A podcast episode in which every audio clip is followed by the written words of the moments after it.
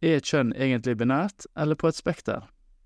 I dag har vi fått besøk av Glenn Peter Sætre, professor i biologi ved Universitetet i Oslo, og forfatteren av den rykende ferske og allereie kontroversielle boka To kjønn.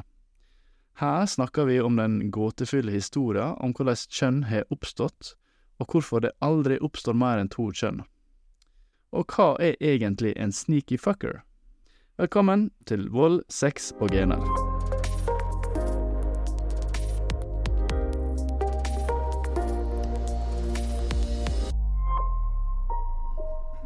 Ok, eh, Glenn Petter. eh, Professor i biologi. Evolusjonsbiologi. Og eh, eh, hva skal jeg si, burde vært gjest her for lengst. Vi har jo skrevet sammen i darwinistsammenheng, bl.a. annet. Eh, Og nå har du klart å skrive bok. Ja. Eh, begynn med det, da. Hvor lang tid brukte du på å skrive bok? Og brukte du ChatGPT? Jeg brukte ikke ChatGPT i det hele tatt. Og jeg brukte På råmanus brukte jeg ca. fire måneder. Ja, wow. Så var det litt sånn uh, pussing og gnikking etter det. Men uh, ja, det var uh, Hvor mange bøker har du skrevet nå? Den lærebok du har skrevet? og- Ja, nei, jeg har ikke skrevet så mange bøker. Jeg har skrevet en del artikler, da. Men hele bøker er det bare to. Det er læreboken i evolusjonær genetikk og denne her. Ja, kult. Foreløpig. Ja, og dette er den første liksom, for, for folket. Ja, det er det. Og, um, og det som slo meg, da, fordi du har jobbet med, så vidt jeg vet, artsdannelse, spesielt hos fugl. Eh, og så har du skrevet en bok om kjønn. To kjønn. Eh, og den koblingen der mellom hva som driver fram at du får nye arter, og dette med kjønn, det, den er kanskje ikke så åpenbar. eh, Den var ikke åpenbar for meg. Hvorfor er det, Hva er koblingen der, liksom? Ja, nei, jeg har jo Jeg skriver en god del om artsdannelse i boka. Har eh, viet én av fire deler til, til artsdannelse. Så det eh, Koblingen er egentlig ganske sterk. Fordi at uh, slik vi tenker på og definerer art i, i, i biologien, så er, så er jo den nær knytta til eh, eh, kjønnet formering. Ja. Vi definerer arter som grupper av individer som er uh, innbyrdes eh, i stand til å eh, formere seg med hverandre, og som har eh, forplantningsbarrierer da mot andre slike grupper. Mm. Så det innebærer da at uh, arter er egentlig bare noe som ja, organismer som formerer seg kjønnet, driver med. da. Ikke sant? Fordi ja, For det, ja, det en art er en gruppe med individer som bare kan få barn med seg selv. Holdt jeg på å si. Eller Ja, altså, altså, altså, de kan det- få barn med andre. Ikke sant? Altså, det, det er, hele poenget med artsdannelse er jo at, at det skjer et, eh, et brudd ikke sant, i, blant den gruppen av eh, individer som eh, driver med genutvikling gjennom kjønnsformering. Eh, så det betyr jo da også at eh, vi egentlig ikke kan snakke om arter på den måten eh, for organismer som formerer seg på andre måter, Ja. sånn som bakterier. Det er interessant. Det er en sånn tydelig kobling som ikke var helt åpenbar for, for meg. Da, men selvfølgelig er det, det er jo sånn. Ja. Hva med arter altså Finnes det ikke arter da som ikke formerer seg kjønnet? Nei, egentlig så, så har vi da noe Man kan jo si at man har, man har kanskje noe som ligner litt, da. Du har jo, skal vi si, grupper av eh, organismer som er genetisk relativt like hverandre og forskjellige fra andre. Så kan Jeg tenke på, Jeg skriver f.eks. om eh, Jeg bruker kolerabakterier da, som eh, et eksempel. Man kan jo da si at eh, kalle bakteriene som forårsaker kolerasykdom, at man kan kalle det noe En art. en art eller noe sånt. Men sånn, rent etter definisjonen så er det jo ikke det, da.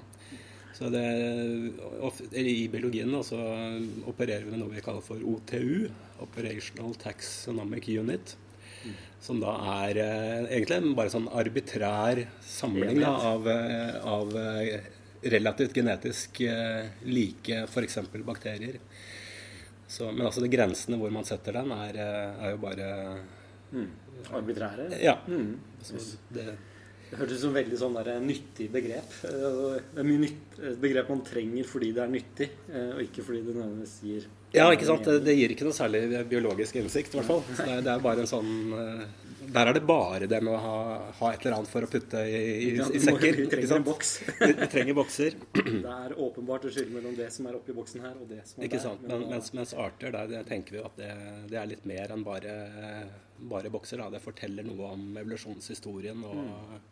det, det hierarkiske oppbygningen av naturen. At den, den gir eh, mening i, og med at eh, disse bruddene i eh, genutveksling da blir også forgreninger i livets tre, ikke sant. Vi kan gå et steg tilbake. Jeg bare på Hvorfor skrev du den boka? Hvorfor jeg skrev den boka? Ja. Ja, nei, altså Jeg har jo lekt med ideen om å skrive noe for et bredere publikum lenge. Eh, veldig lenge, faktisk. Eh, jeg husker altså til og med som student så lekte jeg med tanken om at det kunne vært eh, kjempegøy når jeg leste liksom, hva Dawkins fikk til, og hvor eh, inspirerende det var å lese. Og kjønn har jo ligget hele veien veldig nært da, i det jeg har forsket på. Jeg begynte jo å forske på ting som seksuell seleksjon og partnervalg og, og sånne ting. Så det har liksom vært et tema som har fulgt meg, og, og som er ganske stilig. da. Sexy, sexy tema, rett og slett. Um, så Men eh, det har jo aldri blitt til at jeg rota meg til det da, før nå. Er noe med tidsånden? Ja, det, det, har jo, det, det har nok det, vet du. For det, det er klart det når uh, hele uh, den offentlige samtalen uh, Eller mye av den offentlige samtalen har dreid seg om uh, kjønn og forståelsen av hva, hva, det ordet skal innebære, og hva mann og kvinne er. Det er liksom blitt en, en stor del av eh, debatten, da, som jeg også har engasjert meg litt i. For jeg syns det, det sies jo veldig mye, mye rart. I hvert fall som, som biolog så, så, så får man jo litt sånn eh, Man blir litt perpleks. Hvor eh, mye, mye rart som, eh, som plutselig er, eh, er blitt, som er blitt en, en slags sannhet, da, som i hvert, fall, i hvert fall blant noen veldig lydhøre krefter i samfunnet. Da. Så jeg har vel inntrykk av at egentlig så Altså Den jevne mann i gata tenker jeg er eh, Fortsatt tenker ganske biologisk, da. Ja, ja. Men, men eh, det har liksom blitt litt sånn fy, det å, å, å tenke biologisk rundt dette med kjønn. Så det, det er klart det et håp i hvert fall da, var jo at eh, ved å skrive skal vi si, en veldig veldig faglig bok om det, at, at det kunne da bli på en måte en sånn et utgangspunkt da, for, en, for en, en mer edruelig samtale om, om kjønn. Foreløpig syns jeg ikke at jeg har lykkes med å nå gjennom eh, støyen, da. Men eh, jeg håper jo fortsatt da, at, at vi kan komme dit at, eh, at når de skal vi si, verste fordommene eh, har eh, lagt seg litt, at, eh, at folk, og folk begynner å lese hva jeg faktisk skriver, at, eh, at, det kanskje da kan bli, eh, bli noen interessante samtaler i et, et bredere forum. Da. Fordi Formålet er jo ikke å drepe en diskusjon eller ta livet av noens interesser eh, her. Det er vel egentlig bare å ha en litt mer informert debatt som ikke bare handler om tull. liksom. Ikke sant? Ja. Ikke sant? Du, du bygger grunnlaget, eh, basically. da. Um, og du begynner jo eh, å forklare veldig grundig eh, hvordan livet oppstår og alt det der, men eh, det, det ho første hovedspørsmålet er du tok, er, er liksom hvorfor kjønn? Eh, hva er fordelen med det? Hvorfor det oppstår? Altså, gir du forklaring om at eh, Eller du, du deler først inn i det er fire måter å forklare det på. Mm. Proksimale og ultimate. Eh, og det virker som du fokuserte på det siste punktet, den evolusjonære historien. Eh, Både og, vel. Altså, jeg eh, Dette er jo fra det klassiske arbeidet til uh, Tindbergen. Eh, f- Tindbergens fire analysenivåer, ikke sant? hvor eh, du har eh, de mer skal si, nærliggende eller proksimale forklaringene, som er si, mer mekanistiske ting, eller eh, hva er arv, hva er miljø, hvordan samvirker arv og miljø. Så, sånne spørsmål er liksom den ene klassen av eh, forklaringer. Altså den, den andre klassen er de mer evolusjonære. Og det, Der går det jo da både på funksjon og evolusjonær historie. Eh, altså i eh, Lenge, da, vil jeg si, i, eh, både i eh, vi kan kalle atferdspsykologi og den typen evolusjonsbiologi og også evolusjonær psykologi, så var eh, fokuset veldig på uh, funksjon. Mm. Ultimate Ja, ikke sant. Men, men, men, men også, jeg, jeg, tenker vel at, at, kanskje den siste biten, da, den evolusjonære historien, at den kom litt i, i bakgrunnen. Ja, ja. Uh, selv om den egentlig er veldig viktig, da, mm. for, for, også for å forstå funksjon. For mm. det, det er eh, Du trenger egentlig å vite rekkefølgen på ting, og, mm. og hva de ulike komponentene løste. Ja. For å, for å, virkelig forstå funksjonen også. Mm. Så men det er riktig, det. Altså, jeg bruker ganske mye tid på denne, å, å nøste opp i evolusjonshistorien. Den er jo også rasende spennende da, ja, når det gjelder kjønn. For, for det er jo det der Eh, paradokset da med at eh, det er jo så kostbart og så risikofylt. Eh, og, og, og ukjønna formering har jo så mange store, tydelige fordeler. Um, så det er jo egentlig det du altså En av tingene du prøvde å svare på, da. Hvorfor uh, ser vi at uh, skjønna formering er så suksessfullt? Uh, og så tok du opp en del ulike hypoteser som så du kan snakke om lotterihypotesen, Red Queen-hypotesen. Veldig gode eh, forklaringer. Vil du si litt om det? Ja, altså det er jo um, eh, vi, vi, kan jo ta, ta, bare kostnaden først, da, altså bare for å, uh, at vi er, er på bølgelengde der. Altså Ukjønnet formering, da, sånn som bakterier f.eks. gjør, er, er ekstremt eh, effektivt. Altså En uh, E. coli-bakterie kan bli til uh, millioner av E. coli-bakterier og i løpet av veldig veldig kort tid, når betingelsene er, er gode. Én celle deler seg i to. ikke sant? Det er, det er liksom alt, mm. alt, som skjer. Kjønnetformering er en mye mer kompleks eh, prosess. Eh, den involverer for det første ikke bare én forelder, men to. Og de to må eh, finne sammen eh, og, og, gjerne utveksle da, kjønnsceller og sånt. Og det kan jo være risikabelt. og Altså det er veldig mange kostnader da, som adderer opp, og som gjør at, uh, at uh, egentlig hele, hele denne Hvorfor kjønnsformering har blitt en slik suksess, er litt sånn Har blitt omtalt som et paradoks, f.eks., eller uh, en, en, gåte. Mm. altså Hvorfor har naturen liksom gått for den minst effektive av, av de to måtene å formere seg på? da og det er jo altså sånt er jo utrolig spennende vitenskapelig. ikke sant? Å forsøke å forstå da hvorfor kan allikevel den tilsynelatende dårligste eh, varianten, varianten eh, overta. Ja.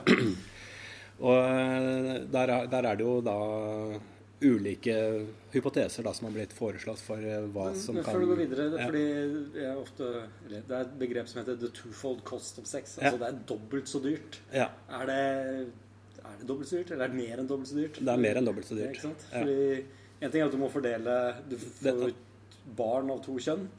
Som gjør at du må få dobbelt så mange barn for å produsere likt antall ja, altså, Kort fortalt er jo det the twofold cost. ikke sant? Det at uh, du må produsere Flere barn? Flere barn for, eh, for samme produktivitet. Altså dobbelt så mange. Mm.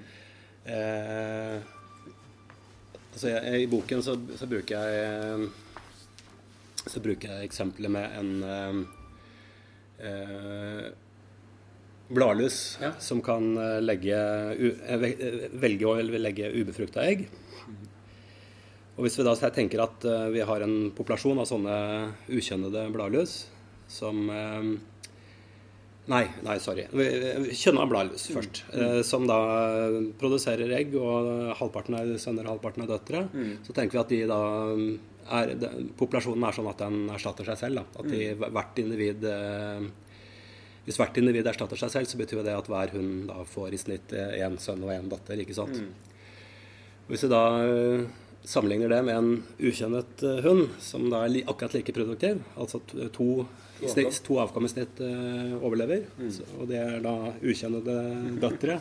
Så jo da, får vi da en dobling av populasjonsstørrelsen for hver generasjon. Og den vil jo da ta ned ganske kjapt. Ikke sant. Mm. Så, men altså, på toppen av det så er det jo masse andre kostnader. da. Altså det ja, for du må bygge en kropp med helt andre eller helt andre typer celler. Du må bygge kjønnsceller. Pluss det spillet om å finne en partner. Og, Ja, ikke sant. og- du må finne en partner, og du må like partneren. Den partneren må like deg. Altså, du kan bli vraket, ikke sant. Det er jo en stor kostnad der. Eh, i, I selve handlingen med paring så, så kan du være utsatt for eh, rovdyr og sånt. Og det er kjønnssykdommer, og det er, altså det er jo Det er masse trøbbel. masse trøbbel? Ja. Men ja, hva er da fordelene? For da må, det betyr at det må være noen veldig store fordeler for at det skal bli, ha blitt selektert fram. Ja, ikke sant. Altså, tenk deg da sånn som oss bladlus, som kan, kan begge deler. Eh, og, så, og så har oss de fleste insekter så har da den allikevel da den ukjønnede blitt valgt bort. da. De sitter med bare kjønnet. Så hva- kan det være- da ha vært grunnen til at den minst effektive vant? Ikke sant? Som helt praktisk må jo bety at de overlever mer. Ikke sant? Altså, altså, på, på et eller annet nivå så må allikevel, til tross for alle, alt trøbbelet, så må produksjonen allikevel resultere i flere overlevende avkom. Da. Yes. Og der er jo én tanke da at eh, miljøet er, eh, er jo ikke konstant. Det er eh, uforutsigbart og heterogent og i stadig forandring. Så det, det å formere seg kjønnet da innebærer jo at uh, avkommet blir uh, genetisk variabelt på grunn av, både pga. rekombinasjonen av kjønnscellene dannes, og pga. at du har paringer mellom genetisk ulike foreldre.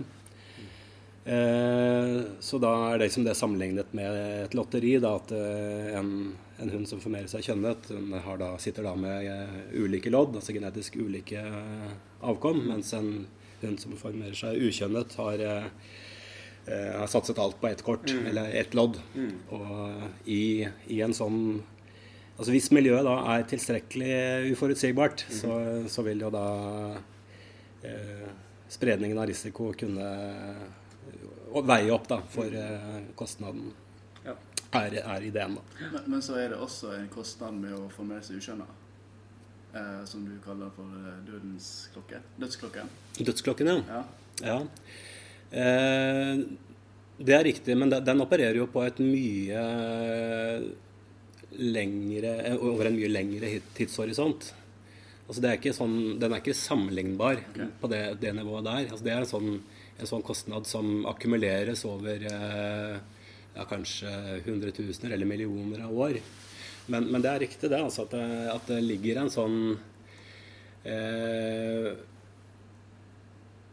en sånn skygge, eh, dødens skygge, over, eh, over den ukjønnede formeringen pga. at eh, når, når arven er klonal, så, så er det ikke noen mekanisme for å sortere ut skadelige mutasjoner. Så de vil hele tiden akkumuleres. Så en organisme kan leve med én eller noen få skadelige mutasjoner, men til slutt så blir byrden eh, ikke til å leve med, bokstavelig talt. ikke sant? Så det, den dør ut. Så du kan tenke deg da fra en opprinnelig eh, celle som er, eh, som er la oss si, godt tilpasset eh, miljøet, da, så, så blir, eh, vil til slutt alle etterkommerne dø ut når eh, byrden av mutasjoner er blitt for stor i alle, alle de linjene som følger etter. da. Så bladlusa som formerer seg ukjønna, vil om 100 millioner år dø ut. Ja, ja, kanskje mye, altså, altså litt mye kortere tid også. Altså, hvis vi ser på, Det er jo noen bladlusarter i dag som har gitt opp kjønn, ukjønnet formering, som bare formerer seg Nå må jeg tulle her. Gitt opp kjønnet, altså som bare formerer seg ukjønnet. Og eh, alle de artene er veldig unge. Så eh, det er jo sannsynlig å, å tenke seg at eh, det der har skjedd mange ganger tidligere, men Ja. at de, de har har, ut. de, er- de har dødd ut. Ja. Ja, og da må jeg bare må ta opp det eksempelet. for Jeg, jeg tror jeg skrev ut om det en gang som et sånn tankeeksperiment. At hva om en kvinne i, på landsbygda i USA eller i Norge eller i Sibir eller hvor det plutselig fikk barn uten å ha formert seg med noen. Altså en jomfrufødsel. Det er jo ikke veldig far-fetched. Nei, det er jo ikke det. Altså, Bladlusa kan det, og det er jo rapportert også eh, sjeldne tilfeller blant virveldyr at det, at det kan skje. At det, jeg tror det var til og med et eksempel nå fra kondor. Altså at, eh, at det vokste opp en, eh, en kondor fra et ubefrukta egg. Så tanken er på ingen måte far-fetched. Det, det, det, skjer jo tydeligvis av og til. Hvorfor skjer det så sjelden? Hva er mekanismen som hindrer oss til å formere oss til kjønnet? Ja, nei, altså det, det Jeg vet ikke. Eh, det er jo altså, altså, Når det gjelder bladlus, da, så, så, har jo de en litt sånn evaluert en litt sånn spesiell mekanisme. vel, så de, Selv om de da er eh, utviklet fra ubefrukta egg, så er de fortsatt eh, diploide. På samme måte som det er kjønnede individer her. Mens sånn, den enkleste mekanismen, da, ubefrukta egg, er, vil jo være haploid. Og det, det kan jo være ting der da, som, som vil være veldig eh, ugunstig. Da vil jo f.eks. hvis dette er en organisme som normalt er diploid, så vil den jo bære med seg masse recessive alleler som da vil eh, pang komme til uttrykk. Så den skal si, levedyktigheten til en helt haploid, et helt haploid individ ville være sannsynligvis veldig lav. da. Ja. Også, altså Det blir på en måte en sånn ekstreminnavl med en gang. på en måte. Og det, ja, så er det vel kanskje begrensa hvor lett det er for vedkommende altså Hvis det skjer én gang, hva med neste generasjon igjen? Vil det haploide individet igjen klare å få et nytt, en ny jomfrufødsel? Det er kanskje en annen mekanisme. Ja, sant. Ja, ja, ja. Det, er noe, det, er noe, trøbbel med den ideen. Men det er, det er et interessant tankeeksperiment. Fordi ja, altså, du får det samme som med bladlusa. ikke sant? tankeeksperimentet er, er, er, godt. Og det, i og med at det ikke er umulig også, så kan man jo, kan man jo tenke seg hva som ville ha skjedd. Og det ville kanskje ha skjedd noe av det med bladlusa. At du kan, kunne da fått uh, midlertidig suksess. ikke sant? At, eh, at, du hadde fått da en ukjønnet art som uh, kunne blitt uh, mange, mange veldig, veldig raskt men som da kanskje over revolusjonær tid ikke ville overlevd så lenge. da. Den, eh, den, har jo ikke da det samme evolusjonspotensialet som en eh, kjønnet eh, art vil ha. Jeg ser for meg denne landsbyen med genetisk like damer. Det er en kjempeoppskrift på en film. Ja visst. Ja, det er det. Litt, litt, litt skrekkfilm, kanskje. Så bare det alle sammen. Ja, for der har du jo Rød dronning, da. Som det, det, Egentlig er jo det en Jeg vil si at det er en variant ja, av lotterihypotesen. Bare at den fokuserer da på Eh, parasitter som en sånn forutsigbar, uforutsigbar del av miljøet. Men det er én fordel til da, som er uh, uomtvistelig og veldig uh, umiddelbar med kjønnet formering, og det er uh, DNA-reparering. Mm. Ja. Så i, i, i, den prosessen hvor kjønnsceller dannes, så går de alltid da gjennom rekombinasjon. Mm. Altså de homologe kromosomene, som vi sier, altså de som har arvet fra hver av foreldrene, de legger seg intimt inntil hverandre og utveksler segmenter og, og, mye annet gøy. Og ikke minst så når de da er, eh, ligger sånn intimt inntil hverandre, så det, har du da repareringsenzymer som skanner gjennom og oppdager skader på DNA-molekylet. Og da kan altså den ene, ene DNA-molekylet fungere som mal til å rette opp uh, slike skader. Det innebærer jo da at, uh, at da faktisk uh, avkommet til Avkommet vil bli, kunne bli genetisk friskere ja. enn foreldrene var. Ja, det er det er interessant. det er gøy. Ja.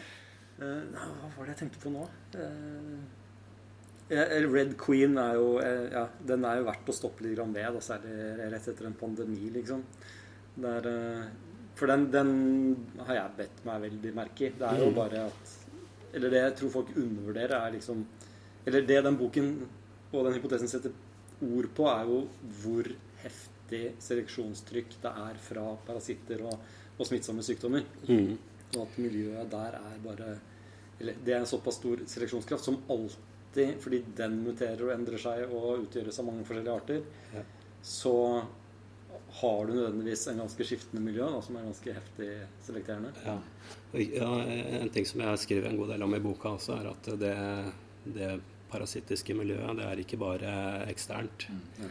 Så du har eh, også eh, gener i, i, genomet som eh, parasitterer eh, genomet det, det, bor i. da, på en måte. Så du har altså skal si, introvirus, på en måte. Eller endovirus, på en måte. Eller, eh, ja. Det er jo egentlig ikke virus, da, siden det ikke sprer seg eh, Det er i genomet. Ja, det er ja, Innengenomsparasitter. In. Selfish genes. Ja, rett og slett. Eh, Men eh, tittelen på boka er 'To kjønn'. Eh, Så spørsmålet blir da hvorfor to eh, kjønn. Og eh, det jeg alltid tenkt på, er at du, som du nevner i boka, altså at du har eggceller og sædceller. Det er en spesialisering. Mm. Evolusjonen er divergert, altså det er en divergerende utvikling. Der det er best med å spesialisere seg i to ulike ting. Og derfor oppstår det to kjønn. Men du går enda et hakk lenger bak og forklarer Ja, altså, ja, ikke sant. For det det, altså det, det binære er, er, ligger jo enda dypere enn det. Eh, Jeg, jeg begynner egentlig da med den ukjønnede formeringen. Jeg. Altså det Når en bakteriecelle deler seg i to Det aller første som skjer, er jo at DNA-molekylet eh, dupliseres. Og DNA-molekylet er binært. Det består av to kjeder. Nukleotidene på hver av kjedene har, eh, er sterkt bundet. Så de har sterke bindinger mellom seg, mens eh, bindingene mellom de to kjedene er svak. Så de kan lett brytes. Og når de brytes, så, eh, så vil da de gapende nukleotidene tiltrekke seg komplementære nukleotider. Og du får da dannet uh, to identiske uh, dobbeltkjeder. Som da er utgangspunktet for hver av de to nye cell- cellene. Så det at bakterienes formering, tjuvkjønnede formering, er binær, altså at én celle deler seg i to, det, det kan den, Grunnen til det er jo da det binære med DNA-molekylet. Så du har ikke, du har ikke en helix, trippelhelix der cellen deles i tre. Nei, ikke sant. Nei, ikke sant? Det, er, det er jo det, det binære med DNA gjør at eh, celledelingen blir binær. Ikke sant? Og, og dette her forplanter seg jo til alle komponentene som kjennet formering består av. Eh, der har du jo f.eks. så har du eh, Ja, befruktningen er binær. Det er jo én ting. Det er alltid to foreldre. Det er aldri flere, ikke sant. Eh, rekombinasjonen er, er binær. Da, jeg nevnte DNA-repareringen, f.eks. Der er det jo eh, et friskt molekyl eh, fungerer som mal for å reparere det skadede. Eh, hvis du tenker en, en triploid eh, variant da, med tre eh, molekyler ved siden av hverandre, og som blir inspisert, så, så får du ikke noe bedre, DNA-reparering. Ikke sant? Er en av dem skadet, så holder det med at den utveksler nukleotider med en av de andre. Og skulle to være skadet, bare én frisk, så har du ikke nok friske eh, tråder til å reparere alle skadene. Ikke sant? Så, så, så i, i det ligger det også binaritet, som kan spores tilbake til, eh, til eh, DNA-molekylet. Og så er det jo det også at kjønnscelledelingen er jo også to binære eh, celledelinger, ikke sant? Som da for det først deler eh, parene, de homologe kromosomene i parene. Og så deles da de dupliserte kromosomene. Så alt kan da liksom nøstes tilbake til DNA-molekylets binære struktur. Interessant. Men, men eh, for det, her folk henger seg opp i hva du definerer med kjønn. Eh, vil, og jeg tenkte at definisjonen er kjønnscellene. Ja. Men det er egentlig ikke det som Jo, jo da, det er riktig. Altså når vi snakker om uh, ulike kjønn, så, så eh, reserverer vi jo det for uh, tilfeller hvor kjønnscellene er uh, ulike. Men altså den, skal vi si, den kjønnede formeringen er jo binær også hos de som ikke har ulike kjønn. Altså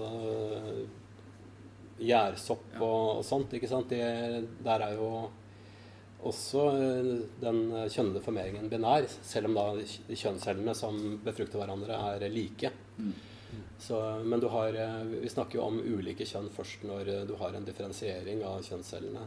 Så, Som da sekundært kan gi seg eh, andre kjønnsforskjeller, da. Som, Men før vi hopper dit eh, når vi fortsatt er på eh, DNA-struktur og kromosomer og sånn hvor alle, eller én ganske utbredt eh, definisjon på kjønn ikke, ikke blant oss biologer, men blant andre, er jo liksom dette med X- og Y-kromosomer. Ja.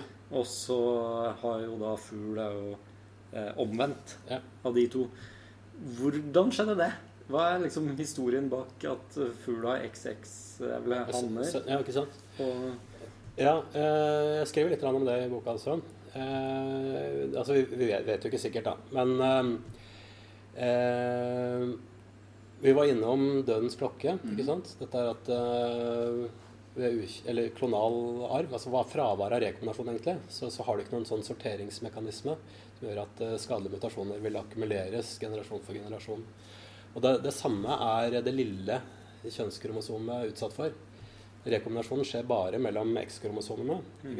Y-kromosomet det re rekombinerer nesten ikke i det hele tatt med X-kromosomet. Så den på en måte blir på en måte en sånn eh, klonal sak da, som, mm. eh, som degenererer. Mm. Mutasjoner hoper seg opp, og så eh, slutter gener å fungere og kan fjerne så, så kromosomet skrum, skrumper også, ikke sant. Mm.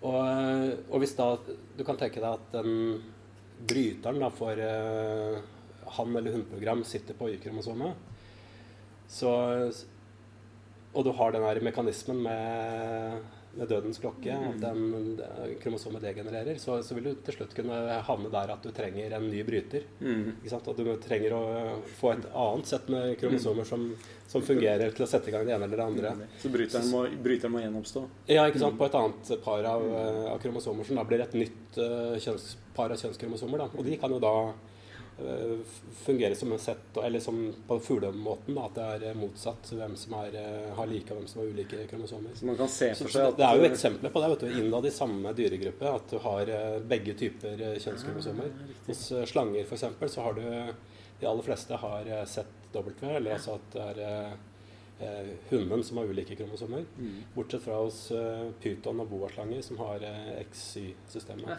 kult. Jeg lærte jeg masse nytt. da. Så hva som er kjønnskromosomene, kan endres over tid? Og mest sannsynlig har gjort det mange ja, ganger. Mange ganger. Ja? Ja. Fordi det ene kromosomet blir så utsatt at det blir uh, det, det, kan også være grunnen til at uh, noen organismer har gitt opp kjønnskromosomer og heller begynt med temperatur. Ja. Det kan være årsaken til at uh, skilpadder og krokodiller har gått over til temperatur. Da, at kjønnskromosomene de en gang hadde, de degenererte. Men betyr det at, betyr det at uh, Y-kromosom på oss vil forsvinne til slutt? Ja, det kan gjøre det. Det kan gjøre det. Det er uh, det er faktisk enda større sannsynlighet for at uh, vi hadde forsvunnet hvis uh, bryteren hadde sittet på X. Det, er jo, det finnes jo en del organismer som har XY-system, men at bryteren som setter i gang det ene eller andre programmet, sitter på X. Ja. Og eh, da, da er jo ikke Y-kromosomet egentlig nødvendig for, å, for kjønnsdifferensiering i det hele tatt. Den er bare en sånn vedheng. et vedheng som kan degenerere bort. Da. Så det ender opp med, kan ende opp med X0. Da. At ja. Eh, yes. ba, bare Ja, at du har Enten så har du to, eller så har du ingen. Eller bare ett. Én X. Ja. Gresshopper blant annet har X, X0. Men uh, ja, tilbake til uh, den der uh, divergeringen av uh, kjønnsceller, som er liksom svaret egentlig på hvorfor jeg har to kjønn. Jeg syns den er veldig, veldig grei. Jeg husker, jeg husker den fremdeles når jeg studerte på universitetet, at det var så sykt spennende. Det fins ingen, ingen, mellomting som gjør en like bra jobb, så den blir selektert vekk. Mm. Og der er da liksom forklaringa at uh, det ene, ene kjønnsdelen må spesialisere, på, spesialisere, seg på å være mobil og finne den andre cellen. Uh, den må være uh, enkel å produsere, produsere, produsere masse av den. Uh, mens den andre som skal, skal er immobil, men skal ha, litt mer, ha mer næring, som gir en god start på, til, til avkommet. Mm. og alt imellom eh, noen som er litt mobil og litt flink til å eh, samle næring, det, det, vil falle mellom to stoler. Ikke sant? For det du sier er man kunne tenkt Man kunne i prinsippet tenkt seg to kjønnsceller som var ganske like. Mm. Litt mobile, hadde med seg gode deler av cytoplasma. Ja. Og, og, egentlig ganske liksom halvparten av en vanlig celle. Ja. Og to halvparter kunne slått seg sammen. To like halvparter. Men det, ikke, det blir ikke sånn. Hvorfor ikke? Jo, altså det, det, det, der er jo eh, den ene stabile løsningen. Ja. At, at, at, du har like kjønnsceller. Og det er jo utbredt hos eh, encellede organismer. Mm. Du kan tenke deg når eh, en haploid dinoflagellat spilte sammen med en annen haploid dinoflagellat og danner en diploid syste, så, så er på en måte eh, altså Organismen er jo den er jo nesten ferdig utvokst, mm. ikke sant? den, trenger, treng, den, trenger, den, trenger, ikke så veldig svær mye opplagsnæring og sånt, for den skal ikke vokse så mye. ikke sant? Så den har ikke det, den samme eh, seleksjonspresset på denne differensieringen. Så denne, den, den skal vi si, divergerende seleksjonen du får, da, eller disruptive seleksjonen, for å være presis, du får, den, eh, den blir sterkere ved flercellethet. Ja.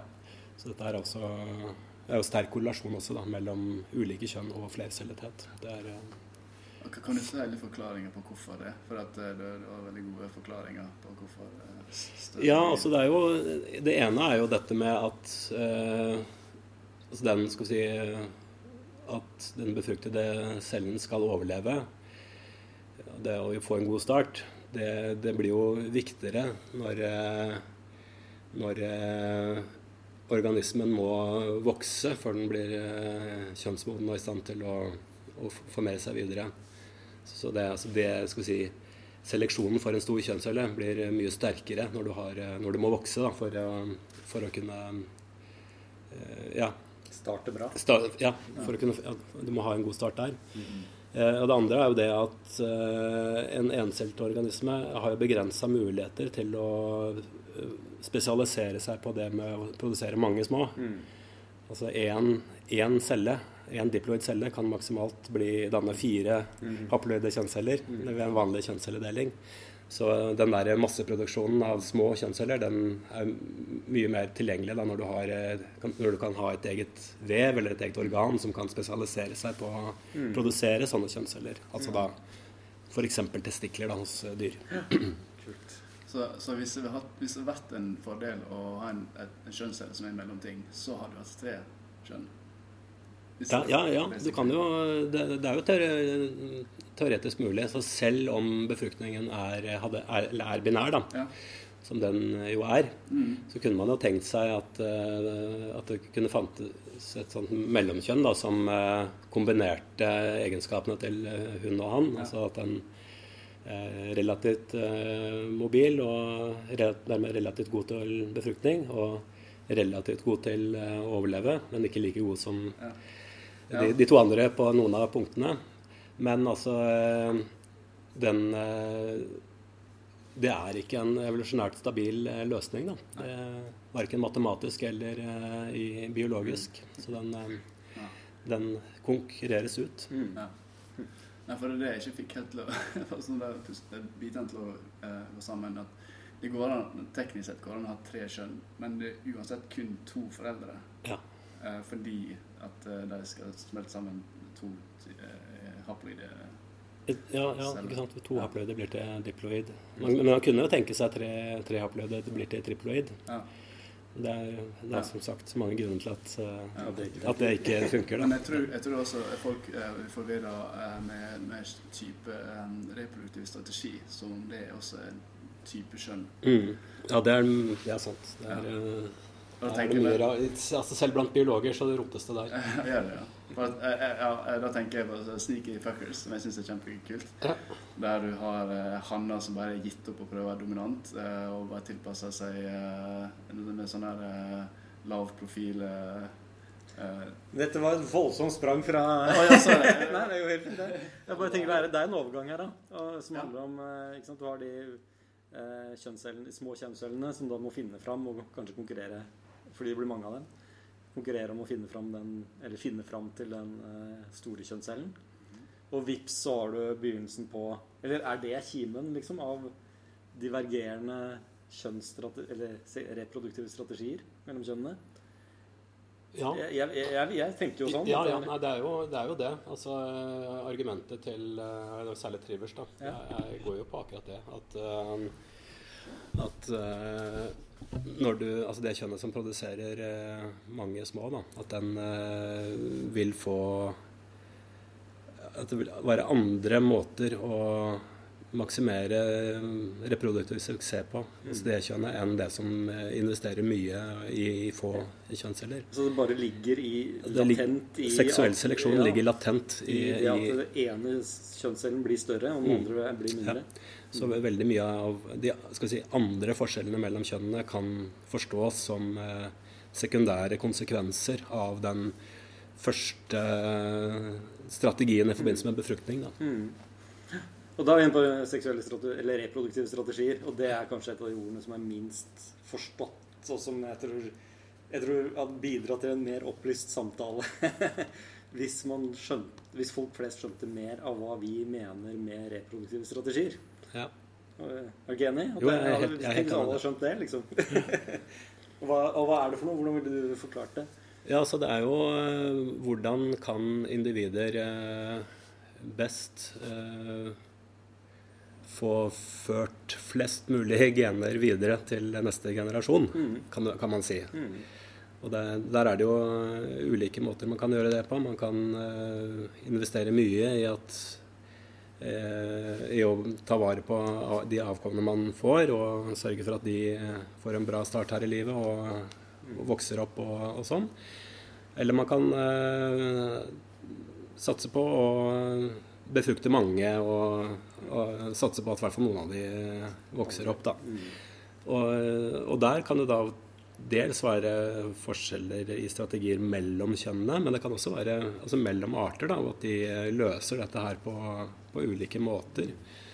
Tenk deg en torsk f.eks. med buken full av rogn. Den er- investerer ganske lite i foreldreomsorg i forhold til eh, en, eh, et menneske som, eh, hvor barnet er avhengig av omsorg i mange år, ikke sant. Så ja, det er um, ulike veier til, eh, Ja, men grunnen, til målet. men grunnen til at jeg tok opp sneakerfolk, er at folk kan forveksle det som en Altså, OK, jeg må forklare sneakerfolk. Ja, jeg tror du må gjøre det. Uh, Snikfocus det er en strategi uh, noen han gjør i f.eks. Uh, leppefisk. Ja, jo da, Ja, jo da. type Masse blant annet. fisk. Ja. Ja, ja, og eh, ja, som sagt, da, istedenfor å prøve å konkurrere ut en dominant hannen som sitter på et harem av uh, hoer, uh, så, så ser jeg ut som hoet sjøl og sniker seg inn eh, og legger sæden sin eh, der, eh, der eggene er lagt. Um, og de ser helt ja, ulike ut enn de andre hannene, de. Og testiklene er større. Eh, jeg ser for meg at det fort kunne Hadde det vært eh, hos mennesker, uh, den type fysiologi, så hadde vi helt sikkert feilaktig uh, identifisert det som et tredje kjønn. Noen kunne vært fristet til å gjøre det, ja. Ja, Men eh, det- de, de er jo, altså, det er jo eh, sånn etter, etter den biologiske definisjonen av kjønn, så er det jo, er det jo hanner, da, i og med at de produserer mange små kjønnsceller. Så det som det er så viktig å skjønne at det finnes ulike reproduktive strategier, men det vil alltid være, det vil være hanner av et kjønn som, som, som har ulike strategier og hunder som- er sammen. Men ja. og der, der kan folk eh, fort eh, misforstå. Det er greit å ta opp det, syns jeg. Jeg tenker, eh, altså, Før vi beveger oss inn i kjønnsidentitet, og sånn, så er det et viktig begrep, tenker jeg. Da, det med reproduktive strategier. At de, ja, de er, kan være ulike innad i kjønnene. Eh, de, kan være, de kan være situasjonsavhengig. Absolutt. Eh, og, og at det ikke er én oppskrift på hvordan være et kjønn. Liksom. Bare, bare rent biologisk så er det ikke bare én oppskrift på atferd og, og reproduktiv atferd. Liksom. Absolutt. Det er eh, mange måter å være han på, og det er mange måter å være hun på.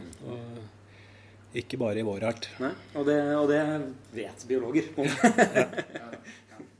Men eh, det er jo tydelige kjønnsforskjeller der, og det er jo eh, hovedsakelig, i hvert fall oss eh, pattedyr med indre befruktning, eh, at det er en eh, eh, Det er ulikt utgangspunkt, ulik kostnad, og dermed vil det føre videre til ulike adaptive altså, tilpasninger, også en kjønnsrolle, som du snakker om.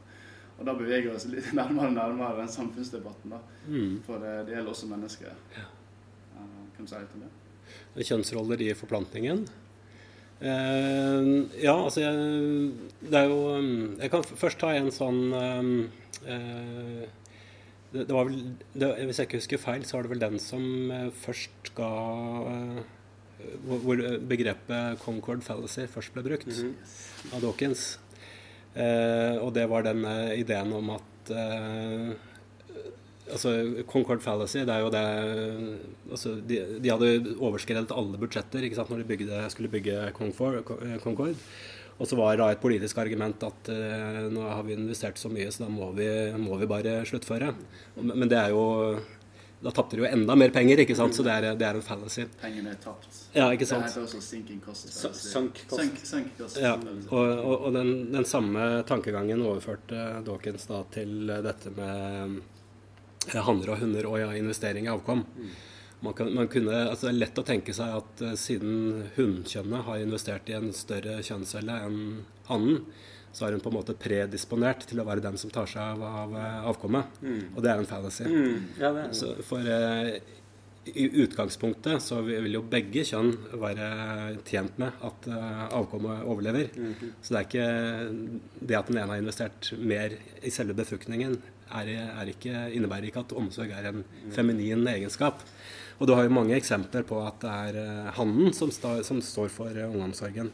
Ik ikke minst hos arter med ytre befruktning, som eh, fisk. Er Så- det sant det jeg leste at hos noen arter er det sånn at de som stikker av først, eller den som blir etterlatt, den må sitte igjen med omsorgen? Ja, det var jo, eh, det var jo en av, de- det var jo modellen til Maynard Smith. Der, okay. som, han hadde en sånn spillteoretisk modell hvor eh, det var av, en av tankene. Da, at eh, den som først hadde anledning til å stikke, var, var den Ja, den, da ble den andre sittende igjen med, med, med omsorgen. Og da, det, det var liksom en idé da, om at det kunne, være, kunne gjelde fisk, da, fordi at uh, hun har lagt eggene og kan stikke. Og så, for at, eh, så må han uh, spre melken sin, og det skjer etterpå. og Derfor så er det han som sitter igjen, sitter igjen med ansvaret. Svarteper.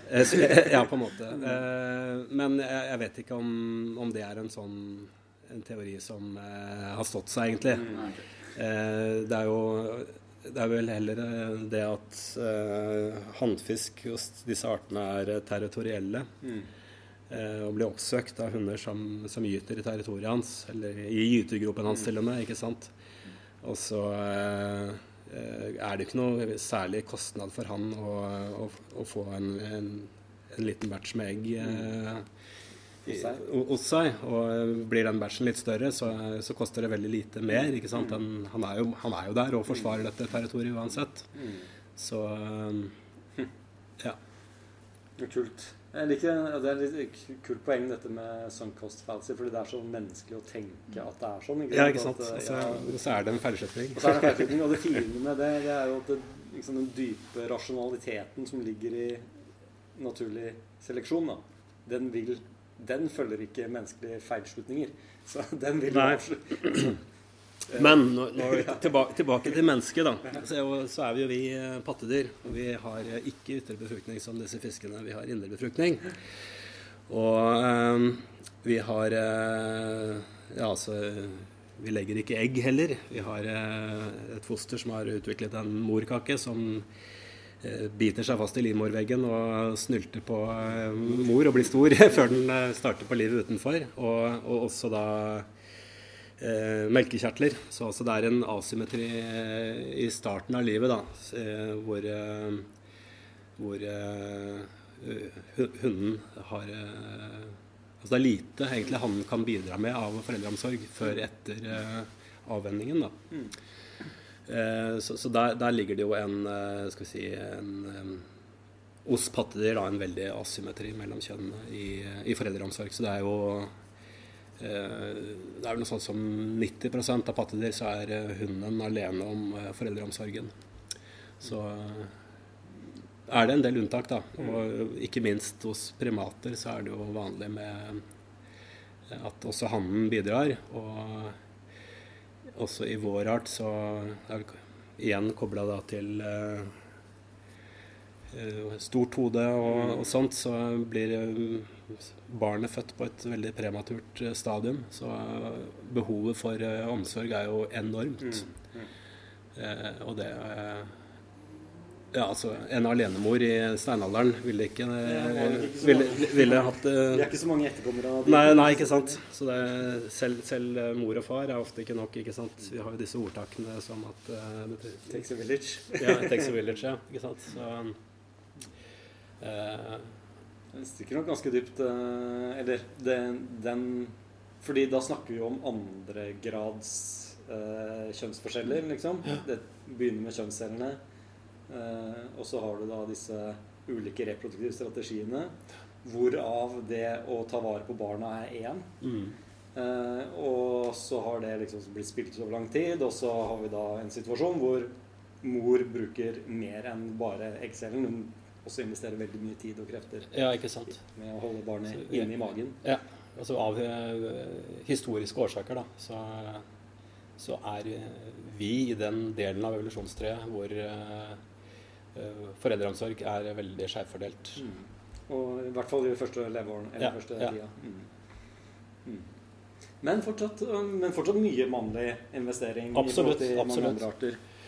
Så eh, det er også sånne ting som er typisk vanlig når man, eller vanskelig når man diskuterer sånne ting som er med ikke-biologer, er jo liksom Ja, det er forskjell mellom kjønnene, men vi er jo vi er liksom ikke Vi er ikke ekstremene heller på eh, mannlig eh, investering i avkom, da. Det er- er ikke null. Nei, på ingen er måte. Det er, Ja. Det er jo, I i bunn og grunn så er jo kvinner mer eh, kresne eh, i valg av partner av en god grunn. Eh, det er jo veldig stor fordel å ha en mann som er villig til å investere. Eh, selv om det også er en fordel for menn eh, å, å være med og bidra til oppdragelsen, så, så er det også en strategi å bare befrukte flest mulig. og man, Det manifesterer jo seg i våre preferanser eh, som kan spores tilbake til eh, denne her skeive kjønnsinvesteringa. Eh, foreldreinvesteringa. ja da. Nei, altså vi, det, er jo, det er jo åpenbart at vi eh, At det er gjenkjennelig, da. Mye, er, eh, mye av skal vi si, vår forplantningsbiologi er jo eh, gjenkjennelig når man sammenligner med andre organismer og, og, og, og ser på hva slags ja, hva, hvilke beskrankninger vi har da, eh, biologisk, så, så henger det, henger det på greip. Klart man skal jo være, være litt, litt forsiktig også, og ikke underslå kulturelle faktorer og Eller altså trekke parallellene for langt og sånne ting, men eh, at, vi, at det ligger veldig mye biologi i, i også i vår, eh, vår reproduksjon. Det er jo Ja, eh, Du er nødt til å være, ikke være biolog for å ikke forstå det.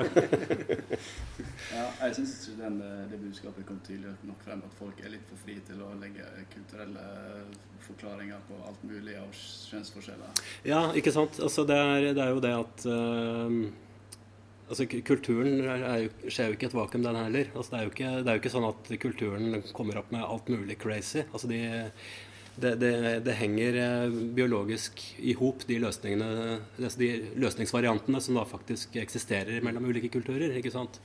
Altså vi, eh, I vår kultur for eksempel, så har vi jo overlatt eh, veldig mye av ungdomssorgen til profesjonelle.